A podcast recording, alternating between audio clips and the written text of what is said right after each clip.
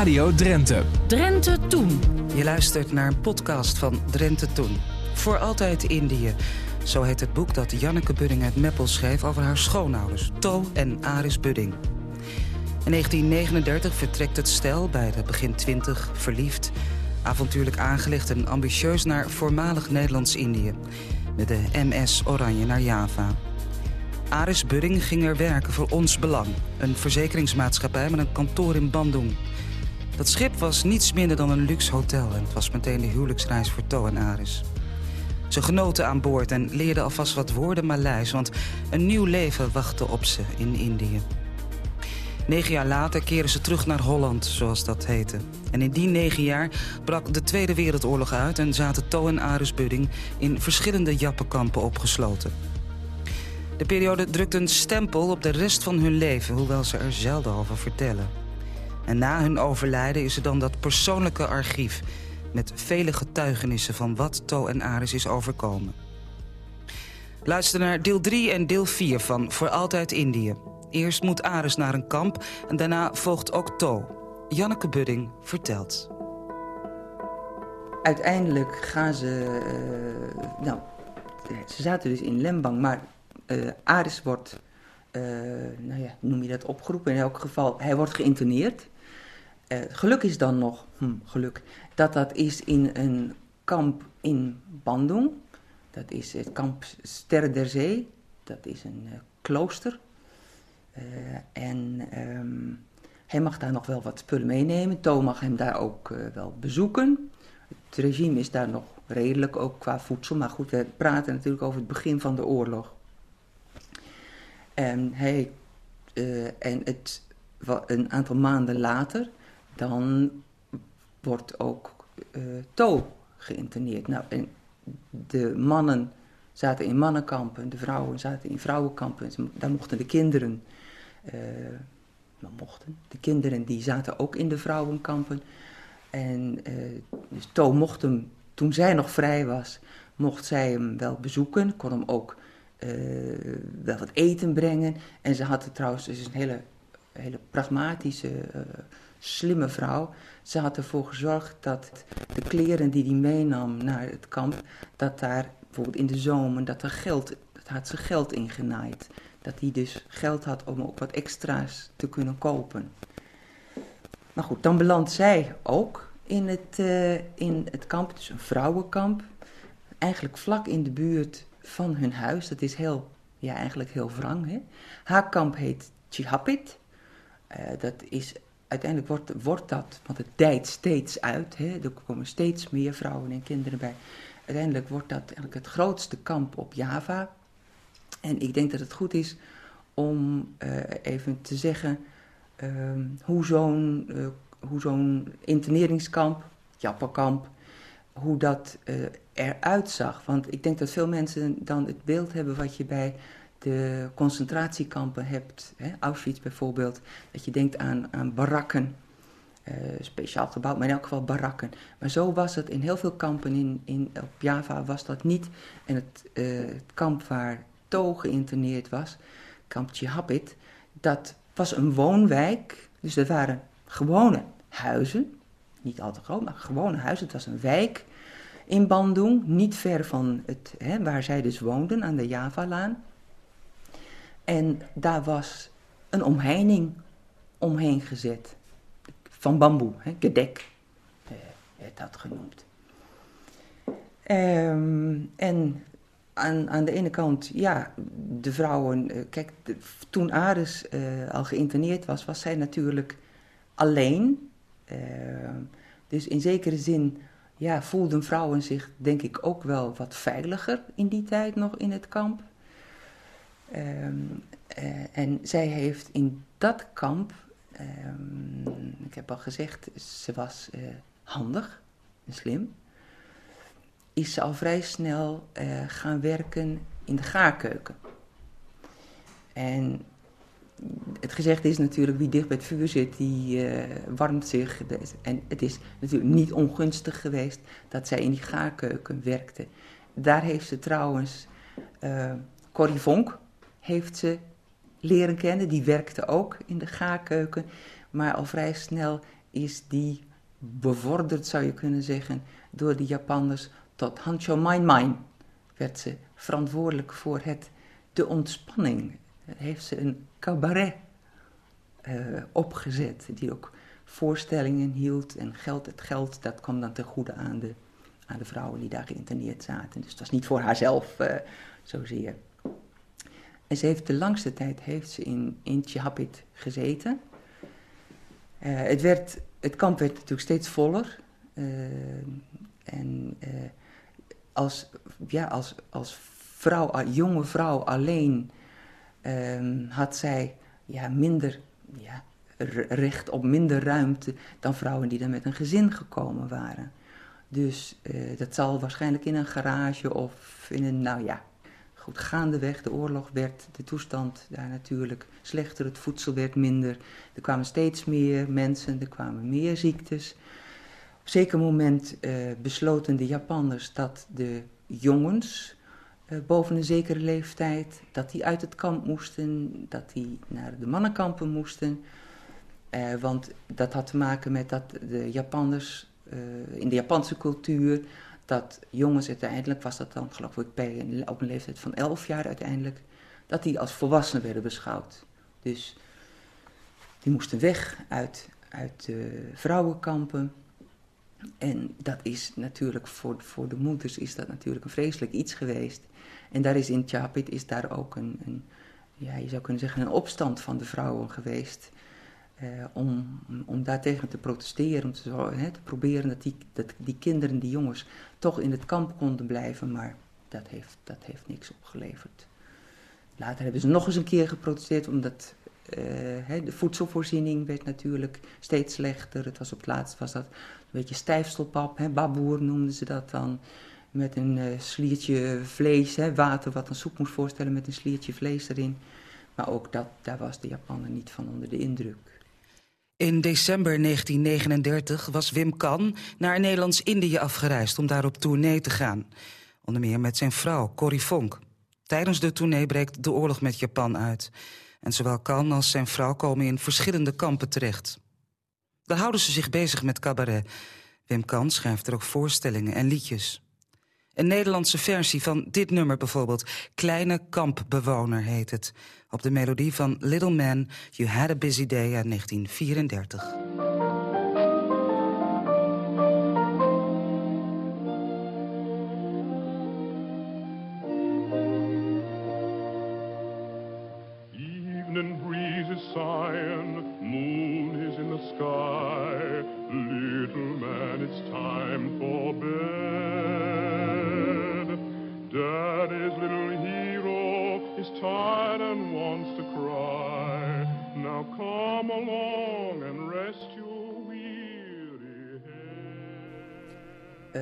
Één ding, maar dat is, dat is niet een kwestie van geweld, maar wel een kwestie van een cultuur opleggend die voor de Europeanen, voor Nederlands, vernederend was, was het buigen voor de Japanner. Er moest, je moest voor elke Japanner, van hoog tot laag, moest je buigen. En in de Japanse cultuur is dat buigen is ja, dat hoort tot hun cultuur. Maar de Europeanen associëren dat met ja, nederigheid, met de ander erkennen als superieur. En dat, dat was bij, nou ja, voor, voor de Europeanen, dat ging dat natuurlijk ontzettend tegen hun gevoel in.